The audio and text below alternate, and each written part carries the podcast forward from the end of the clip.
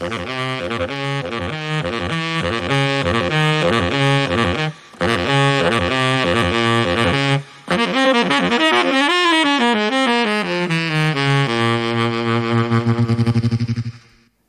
of Jazz. Jak zwykle wtorek, godzina 19. Na audycję zapraszają Mateusz Kolami, Szymon Stępnik. Audycja jest realizowana przez niezastąpioną Grażynę Bąk oraz Adama Miczse. Dzisiaj porozmawiamy sobie o smooth jazzie. No właśnie, Mati, smooth jazz. To jest dla ciebie jazz, czy jednak nie jazz?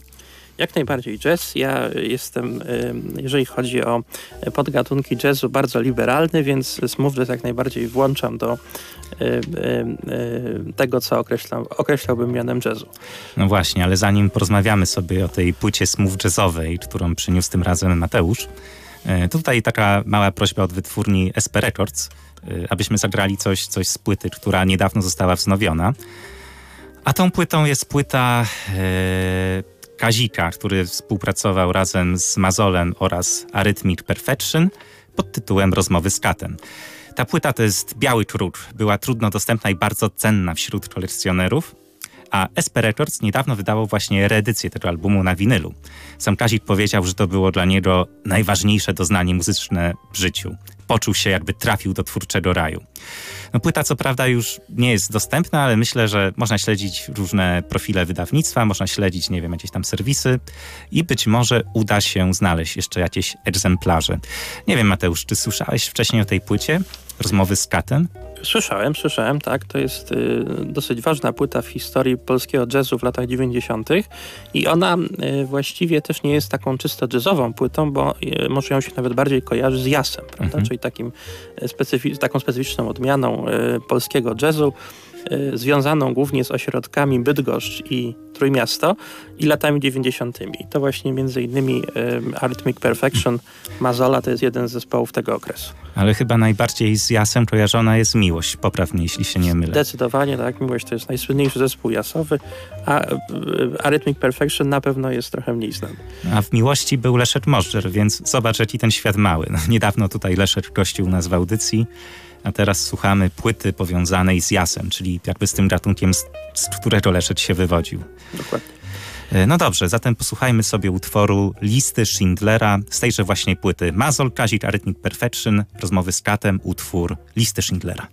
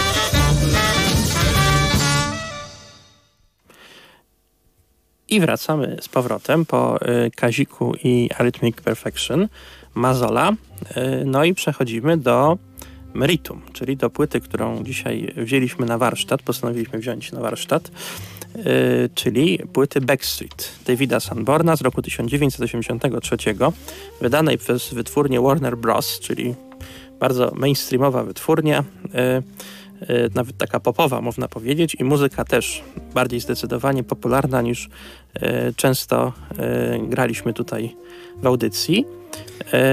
No właśnie i mamy oprócz Davida Sanborna to muszą być, musi być faktografia, y, który gra tutaj na saksofonie y, sopranowym i altowym, głównie na y, altowym, bo on jest specjalistą od altowego saksofonu. Mamy też Markusa Millera, który jest tutaj multiinstrumentalny totalnie. Ale też przede wszystkim powiedz, że on jest producentem tego albumu.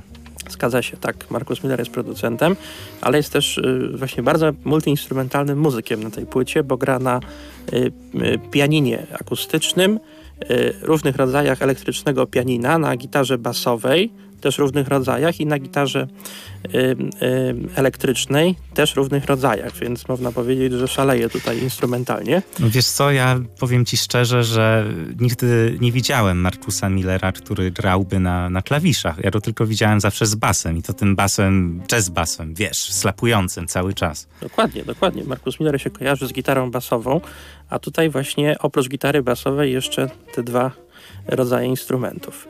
E, Michael Colina, e, Hiram Bullock, to są też e, klawiszowcy na tej płycie, Steve Gadd i Ralph McDonald to są perkusiści na tej płycie. No właśnie, ta płyta powstała w 1983 roku, czyli mamy taką trochę złotą erę smooth jazzu. David Sanborn jest jedną wtedy z gwiazd tego rodzącego się smooth jazzu. To jest artysta, który zadebiutował w 1975 roku płytą Taking Off. Ta jest płyta z 83, więc 8 lat po debiucie. No i właściwie można powiedzieć, że jeszcze lata 70., druga połowa to jest taki czas, kiedy Sanborn już zaczyna być znany, ale jeszcze to jego brzmienie nie jest takie bardzo z nim też kojarzone, nie jest takie swoiste dla niego. A lata 80. to już są płyty, które bardzo ten styl sandbornowski eksplorują. No i właśnie Backstreet jest jedną z najbardziej znanych płyt z tego okresu. No właśnie, pytanie moje klasyczne do, do ciebie, jak ci się płyta podobała?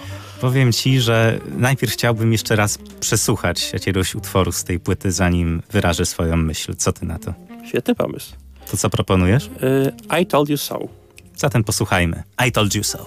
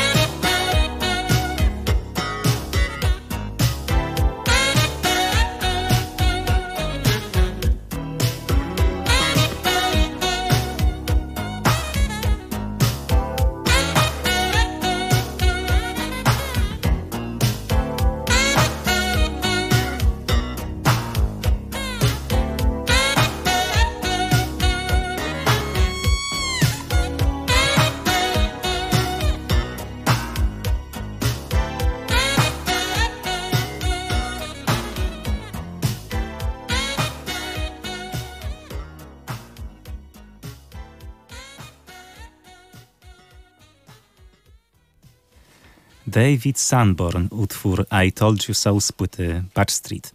W międzyczasie, szanowni państwo, dotarła do nas y, Laura Janowska, znana i wszechobecnie lubiana, która ma do powiedzenia kilka słów. Bardzo mi miło, że tu jestem. E, trochę się wepchnęłam na tę audycję, trochę się wtarabaniłam do studia, ale bardzo się cieszę, że tu jestem. Mogę powiedzieć, że wymusiłam na was trochę taką odbitkę do naszej współpracy w ramach mojej audycji, czyli za granicą absurdu i właśnie pozwolę sobie do tej audycji nawiązać, bo poruszacie się dzisiaj wokół smooth jazzu i ja mam do was e, ciężkie pytanie. Czy jazz ma jakieś granice? Mateusz? No właśnie dzisiaj zaczęliśmy audycję od takiego e, pytania. E, ja uważam, że e, powinien mieć jak najmniej granic, albo jak, jak najdalej przesunięte. I właśnie Szymon mi zadał pytanie o smooth jazz, czy, czy smooth jazz bym zaliczył do, do jazzu, czy nie, bo niektórzy smooth jazz wykluczają jako, jako taki gatunek pośredni, jak to się mówi, w, w ramach jazzu, ale ja bym jak najbardziej smooth jazz i nawet pop jazz zaliczył do, do tego, co jazzem jest. Ja kiedyś zapytałem się Jurka Szczerbakowa e, z redakcji Jazz FM-u, e, czym jest dla niego jazz. I on powiedział, że jazz jest w sumie wszystkim, co, co, co ktoś może stwierdzić, z wyjątkiem smooth jazzu. bardzo ostre stwierdzenie. Tego się nie spodziewałam, ale wiecie, no właśnie to jest taki problem, że jazz to jest moim zdaniem jednocześnie najłatwiejszy i najtrudniejszy gatunek do stworzenia, bo w każdy chaotyczny sposób można stworzyć jakąś formę jazzu, a z drugiej strony, żeby coś miało dużą jakość dla odbiorcy i żeby było jazzem w pewien sposób jakimś, nie wiem, transgresyjnym, że tak powiem, jakieś granice się przekracza, robi się coś nowego, to to jest duże wyzwanie. Mhm. I dlatego dla mnie smooth jazz to jest e, taki pomost dla wszystkich osób, które jazzu nie znają i które czują się w nim zagubione i czują się przytłoczone, bo jazz potrafi być bardzo przestymulowujący, jeśli istnieje takie słowo. E, I w momencie, gdy sięgamy po smooth jazz, to mamy coś pomiędzy seansem komedii romantycznej w latach 90., e, a jazzem, który znamy i lubimy i który faktycznie gdzieś tam się pojawia, czy to na krążkach, czy to e, na płytach. E, w ogóle pozwolę sobie dodać, że jak dla mnie słuchanie jazzu z serwisów streamingowych jest takie trochę zabójcze. Ja bardzo nie lubię słuchać jazzu na serwisach streamingowych i dlatego wydaję krocie na, na krążki czy na płyty. To jest takie moje skrzywienie. Ja w ogóle y, przepadam za nośnikami fizycznymi, bo moim zdaniem inaczej się słucha muzyki, kiedy jest się poniekąd zmuszonym do odsłuchania czegoś ciągiem, zwłaszcza jak jest w przypadku winyli. No ale na streamingach też możesz ciągiem słuchać. Ale kusicie. Nie kusicie, żeby coś skipnąć? Nie, ja sobie wiążę ręce z tyłu wtedy. To jest ciekawe, że potrafisz sobie sam związać ręce z tyłu. To nie jest łatwy skill, jakby na to nie spojrzeć. Y, ja bym chciała generalnie zobaczyć yy, takiego jazzmana, który sobie zwiąże ręce z tyłu i coś zagra. Myślę, że to jest jak najbardziej wykonalne zadanie. No ja mam taki, taki słynny przykład Pauliny Owczary, która wydała, już przepraszam, że to powiem, ale wydała fatalny album z Peterem Orincem i to polegało tylko na tym, no właśnie, to ona nazwała to muzyką jazzową jazzową, ale dla mnie to, to nawet nie można było nazwać muzyką. Tam, było, tam były rozrzucane kamyczki, ona miała ten saksofon, ale dmuchała od tej drugiej Pamiętam strony. ten album. Pamiętam no. ten, to był naprawdę zły album. Faktycznie on, on, on y, nie, nie zapamiętałam go wręcz z nazwy, tylko zapamiętałam z tego, że ten saksofon był taki sponiewierany i taki zmaltretowany. On się nazywał albo No More Audio, albo Audio No, no More. Tak, coś, coś, coś świta. To było faktycznie jakiś czas temu dla mnie zbyt dużym chyba szokiem kulturowym. Jak dla mnie to jest, jest, jest granica w jazzie. myślę, myślę, że, myślę, że właśnie znaleźliśmy naszą granicę w jazzie i to jest moment, kiedy po prostu robi się z jazzu karykaturę. I czy, y, mhm. może zapytam cię, Mateusz, czy dla ciebie smooth jazz jest karykaturą jazzu? Y, to zależy od wykonawcy. Y, raz bywa, raz nie bywa. Myślę, że akurat ta płyta Sanborna, którą omawiamy, nie jest karykaturą, jest bardzo fajna, ale rzeczywiście, no na przykład Kennedy to myślę, że jest karykatura jazzu. To jest oczywiście, i to jest myślę bardzo fajna definicja, że jak coś się staje parodią, no to przestaje być w ogóle sztuką, prawda? To jest jakimś kiczem. A czy parodia nie jest odmianą sztuki? No, Karykatura? jest świadoma, prawda? Ale jest... O właśnie, świadomość. Tak, tak. Świadomość tego, co chcieliśmy osiągnąć, bo jeśli ktoś myślał, że robi coś innowacyjnego, a wyszedł chłam, mówiąc bardzo brzydko, no to właśnie, wtedy już mamy problem. No właśnie, Laura, wiem, że jesteś fanką The Room. To jakby, gdzie byś umieściła, gdzie byś umieściła The Room w tym twoim przykładzie? O matko, wiesz co? To jest, to jest duży problem. E, strasznie mnie teraz wyautowałeś generalnie na antenie. Nie spodziewałam się, że zostanę tak y, zwyzywana Ale pośrednio. ja chyba mogę, mogę pomóc, bo ja na przykład myślę, że właśnie The Room to jest przykład e, fi- filmu, który jest kiczowaty w sposób zupełnie nieuświadomiony. I myślę, że w tym sensie jest, Ale jest, w tym coś pięknego, nie? y, jest w tym coś takiego bekowatego, bym Tak. powiedział. Ja myślę, że tak jak faktycznie, y, stosując definicję, którą sobie tutaj stworzyliśmy, że świadoma karykatura jest sztuką, nieświadoma nie, no to Tommy Wiseau chyba nie był zbyt świadomy tego, że wychodzi y, w trochę złym świetle do, do widowni na swojej premierze, która dosyć się zubożyła przed zakończeniem filmu, ale myślę, że y, takie ta, takie wydarzenia, jak na przykład w łódzkich kinach studyjnych, y, czy takie y, produkcje jak The Disaster Artist, sprawiły, że y, na to zostało rzucone nowe światło. I myślę, że z każdą rzeczą, która jest nieudana, jeśli się odpowiednio nią zmanewruje, można zrobić coś, co będzie kulturowo istotne. I dla mnie The Room samo w sobie nie, nie zasługuje na nic, ale jeśli spojrzymy na to przez pryzmat całej historii tych osób, co dało nam The Disaster Artist, jeśli pomyślimy sobie, że Tomasz Wieczorkiewicz y, to wybitny Polak, to nagle to się staje wybitne. I zastanawiam się, czy z wszystkim da się tak zrobić, bo The Room to jest faktycznie fenomenalny przykład w tej dyskusji. No właśnie, ta dyskusja uświadomiła mi też jedno, że jakiekolwiek sobie definicje tutaj postawimy, i tak samo jest chyba z jazzem, to te definicje można naciągać, przeciągać i, I podważać. zmieniać, i podważać. I to jest piękne w jazzie, że tych definicji, chociaż są, to, to tak naprawdę ich nie ma. I to jest chyba akcent, którym chciałabym się z wami pożegnać. I dołączyć do redakcji muzycznej, która będzie walczyć o to, żeby na antenie była jak najlepsza muzyka. Dziękuję wam bardzo, chłopaki, że mogłam tutaj przyjść i trochę was skasować, y, ale skasowaliście mnie finalnie tym pytaniem o Room. To było bardzo miłe doświadczenie. Myślę, że, że nikt nikogo nie skasował, że to po prostu przyjemna wymiana myśli. To co, czego posłuchamy na wyjście? Y, Posłuchamy właśnie, dalej może z płyty Backstreet utworu Blue Beach.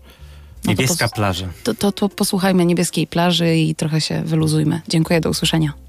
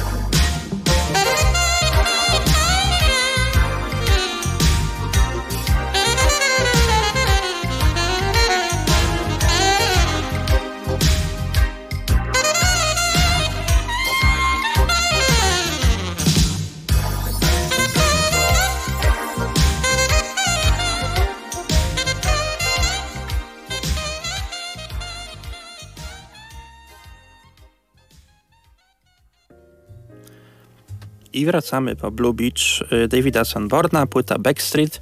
Y, Laura nas już opuściła, było bardzo przyjemnie. Myślę, że potwierdzisz. Oczywiście. Y, No właśnie, i dalej musimy i chcemy rozwijać temat Davida Sanborna. Pomyślałem sobie, że David Sanborn no oczywiście jest smooth jazzowym artystą i, i smooth jazz ma swoje prawa, y, które powodują, że czasami jest uważany za taki właśnie y, gorszy gatunek jazzu, ale myślę, że akurat on, jako y, taka ikona tego gatunku, jest postacią ciekawą i taką, która też swoje zrobiła dla takiego uszlachetnienia trochę smooth jazzu. Co o tym sądzisz? No wiesz co, coś w tym jest, bo ja go bardziej znałem jako takiego muzyka sesyjnego. No on tutaj grał ze Steviem Wonderem, z Ericiem Claptonem, z Polem Simonsem i z wieloma innymi postaciami. Ty jeszcze Stinga dodałeś tutaj w naszej rozmowie w kuluarach. Tak, Yy, No, no i w sumie to jest taki drugi artysta tego typu, bo wcześniej był u nas Larry Carlton, który też bardziej kojarzony jest yy, z muzyką sesyjną, z byciem muzykiem sesyjnym. Yy, To poza tym David Sanborn no, tworzył yy, muzykę do yy, zabójczej broni 2, 3 i 4.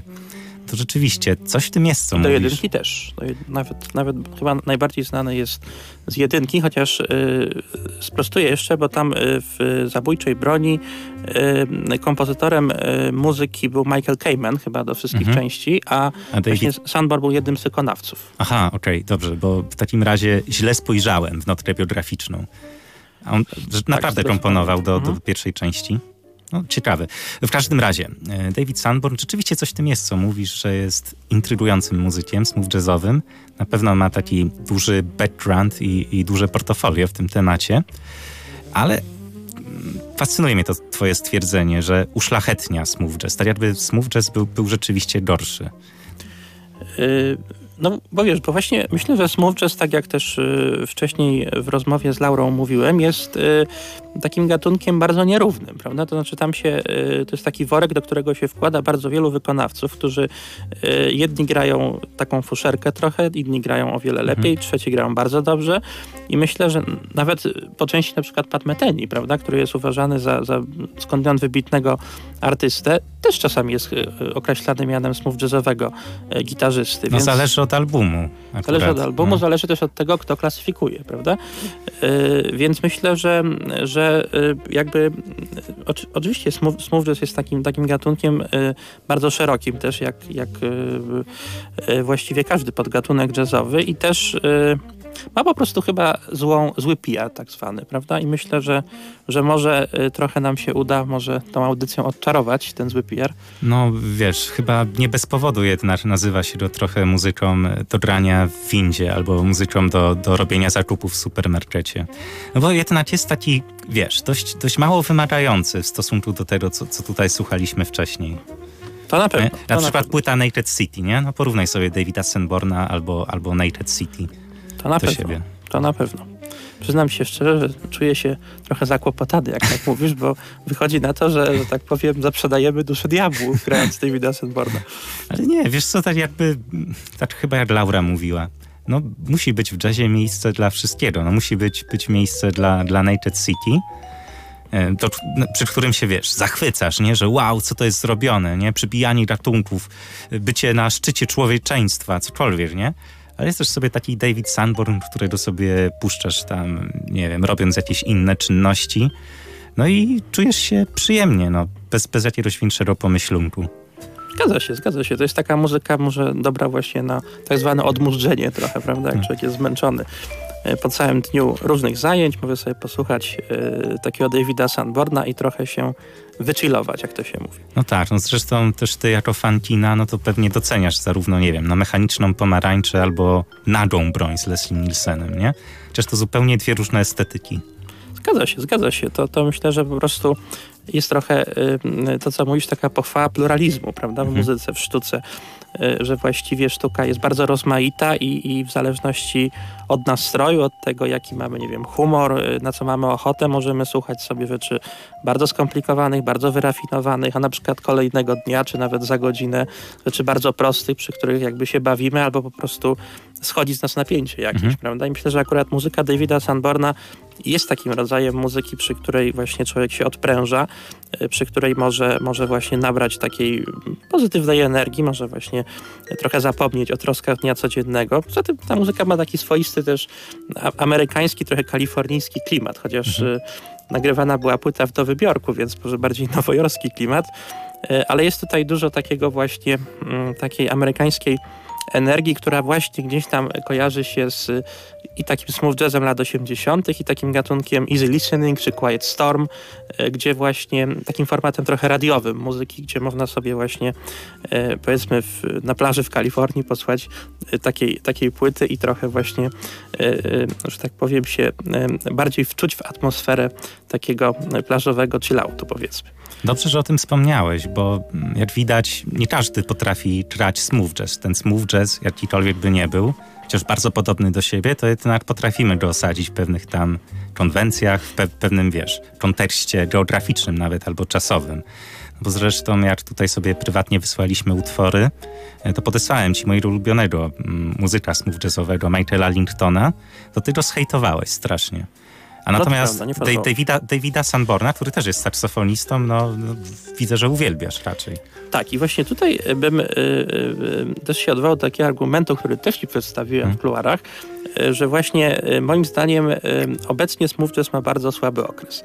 Ja myślę, że smooth jazz to jest muzyka, która miała swój najmocniejszy czas w latach 80. I, i wtedy myślę, to były takie najbardziej mięsiste utwory, właśnie takie trochę jak na tej płycie.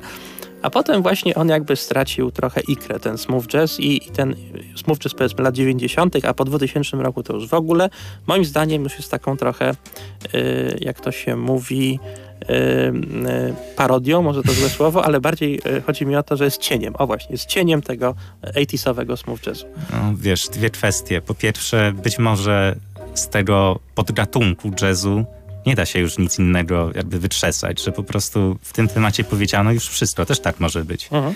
Albo po drugie, być może nikt nie chce powiedzieć nic więcej, bo po prostu nie ma tej potrzeby.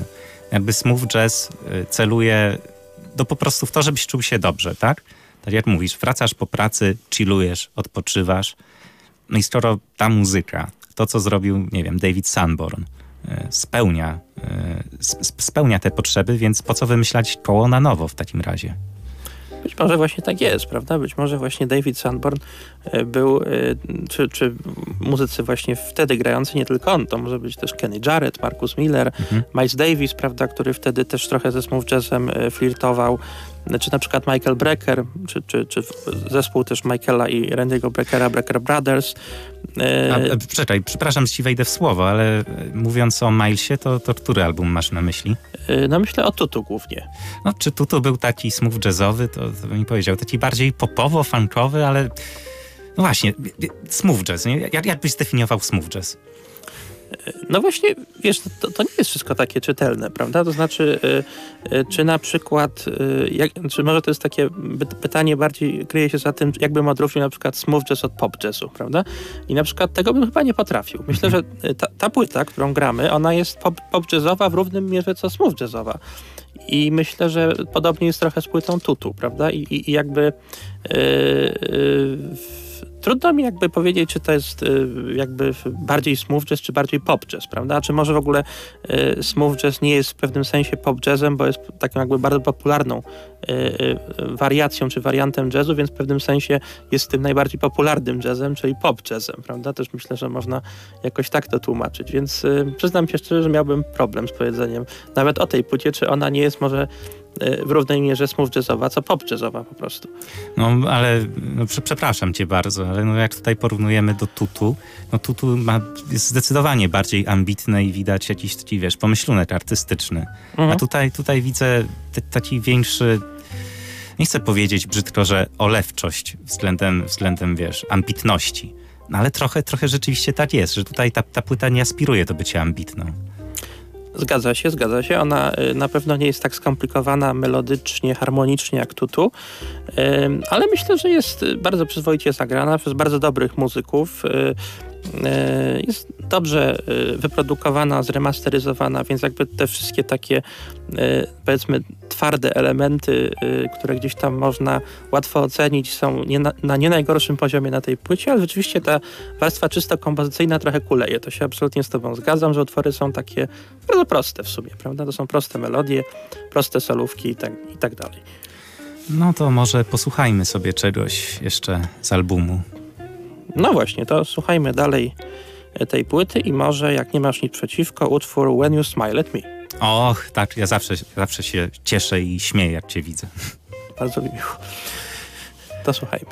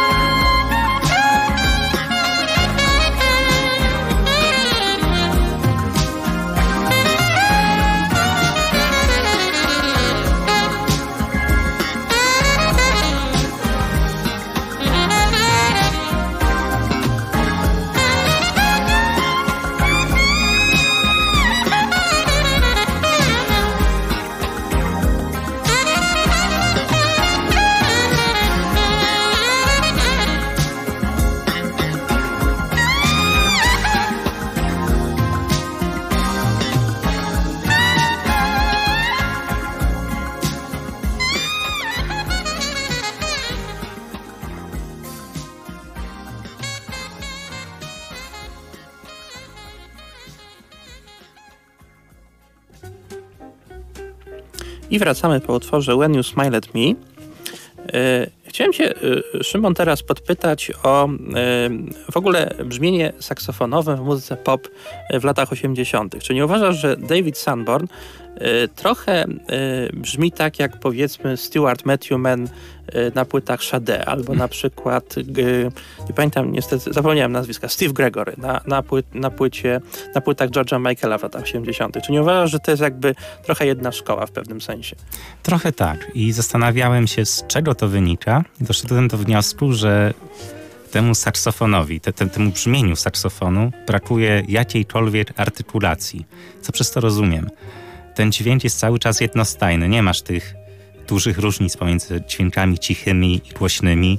No, wiesz, nie wiem, może wtedy była po prostu taka moda trochę na syntezatory i te saksofony też miały brzmieć jak syntezatory. Czyli jeden podłużny dźwięk, yy, zakres dynamiczny właściwie jeden, nie ma żadnej przestrzeni do, do wiesz, do, do, do, do zmian, nie? Poziomu głośności. I wydaje mi się, że, że to jest clue i to jest ten klucz do zrozumienia saksofonu tamtych lat. Być może, być może to, to ciekawe, co mówisz, bo on rzeczywiście, ten saksofon tamtej epoki jest taki w brzmieniu dosyć nieprzyjemny w sumie, prawda? Tak. To jest takie skrzeczące brzmienie, e, trochę takie jak skrzek żaby, bym powiedział. Nie zawsze ono jest takie dopieszczone, prawda? Ale ma też w sobie taki, taką mięsistość, myślę. I to jest, to jest z drugiej strony jakby ta mocna strona tego brzmienia, bo ono jest takie jakby treściwe, często jest takie ma w sobie coś takiego e, e, rozdzierającego, ale w takim sensie jakby przy, przyjemnym, prawda? To nie jest takie, takie rozdarcie e, tragiczne czy dramatyczne, tylko takie właśnie rozdarcie, które ma jakby nas rozerwać, takie rozrywkowe, prawda? Może tutaj to ta geneza słowa rozrywka, że roz, ro, ro, ro, coś rozrywkowego to jest coś, co nas rozrywa, prawda? Czy rozdziera.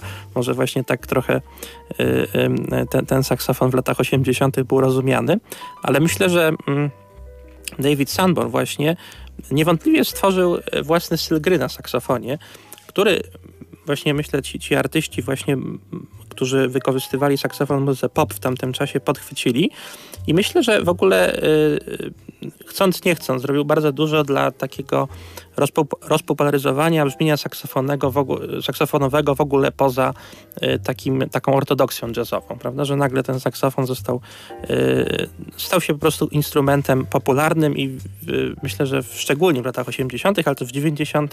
bardzo wiele utworów czysto popowych właśnie miało takie mięsiste, saksofonowe brzmienie, jakbym słyszał Davida Sanborna. Co o tym mm, sądzisz? No trochę tak, ale już teraz jako kontrargument rok 1973, ciemna strona księżyca, Money, no jakby saksofon też był obecny w muzyce rockowej już wcześniej, no albo Shine on Your Crazy Diamond, też Pink Floyd, 75 rok i tam też był saksofon. Zgadza się, zgadza się, ale trochę inaczej brzmiał, prawda? Trochę miał takie brzmienie bardziej wyrafinowane. Myślę. No zgoda, zgoda. Bo tutaj bardzo ładnie unikasz słowa, bardzo, bardzo, bardzo tutaj unikasz słowa prymitywny, mam wrażenie ale tak pozytywnie prymitywny, kiczowaty być może nawet trochę. Mhm, mhm. No tak, pewnie, no. pewnie trochę, trochę coś jest coś jest na rzeczy. Ale ten cicz, no tak jak tutaj mówisz, nie? No, ma w sobie coś takiego może sentymentalnego, no nie wiem, mało ambitnego, ale to jest taka tak, takie, wiesz, świadome zejście z tej, z tej ambicji. Świadomie trochę uproszczenie dźwięku tego saksofonu. Taka, taka czystość, która niekoniecznie czystością powinna być.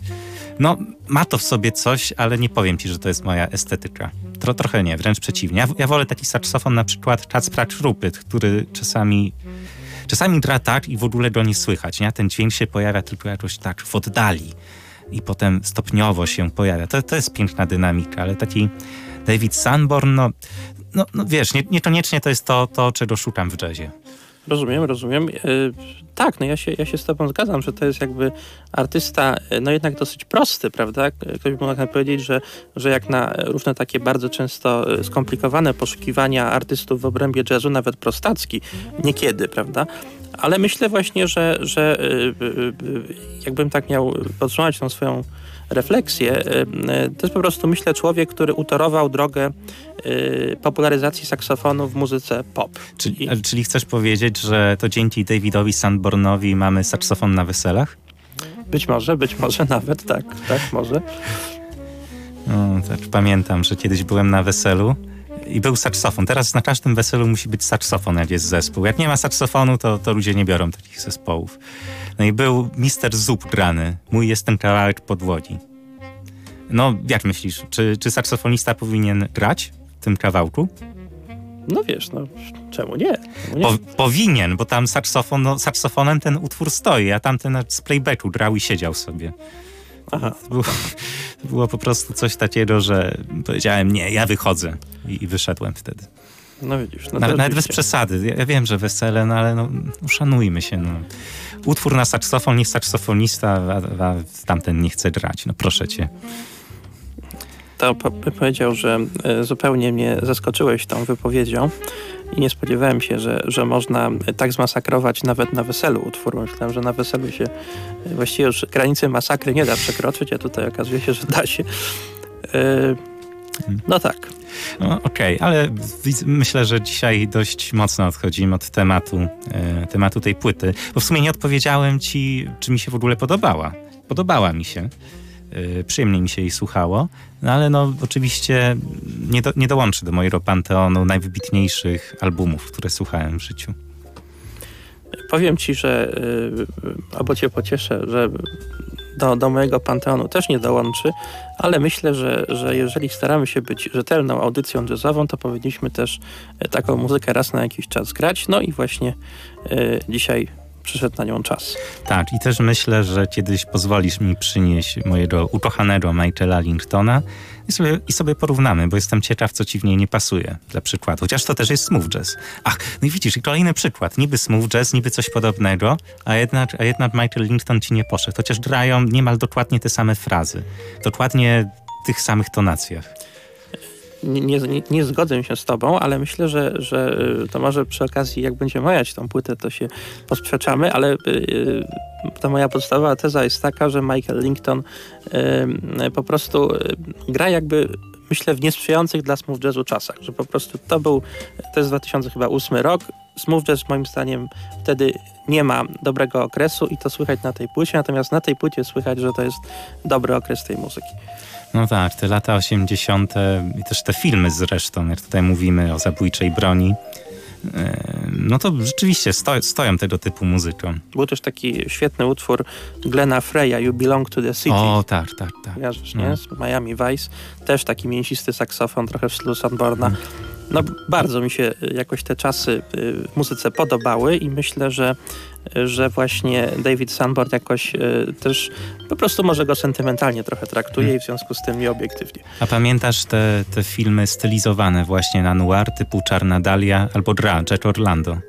To też jest taki smooth jazz Też trochę, pamiętam. nie? Też pamiętam. Bo właśnie smooth jazz to jest też trochę taki jazz, że no chyba tak jak ty powiedziałeś, albo Laura, że jak ktoś dopiero wchodzi w ten świat, prawda?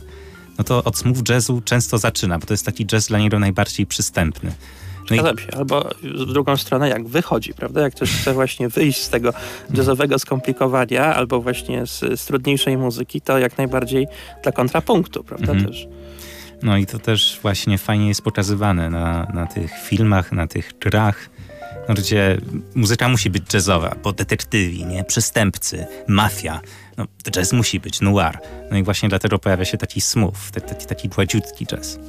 O, i właśnie bardzo dobrze, że powiedziałeś o e, kinie noir, e, czy w ogóle o takim e, klimacie noir, bo ostatni utwór, który dzisiaj zagramy, Moontune, e, e, to jest utwór oczywiście smooth jazzowy e, z płyty Davida Sanborna i Boba Jamesa Double Vision, trzy lata późniejszej, ale właśnie chyba on ma w sobie coś takiego z takiego klimatu kryminału tamtej epoki, prawda? Jest taki trochę tajemniczy, trochę zagadkowy. Polecamy Państwu do posłuchania. Tak, posłuchamy sobie, oczywiście to była audycja Kind of Jazz, którą prowadzili Mateusz Kolami, Szymon Stępnik. E, realizowana była przez Grażynę Bąk oraz Adama Mikse. Arzama Mirse, a zaraz po nas będą złote lata muzyki rozrywkowej i słynny Rembi. Dziękujemy.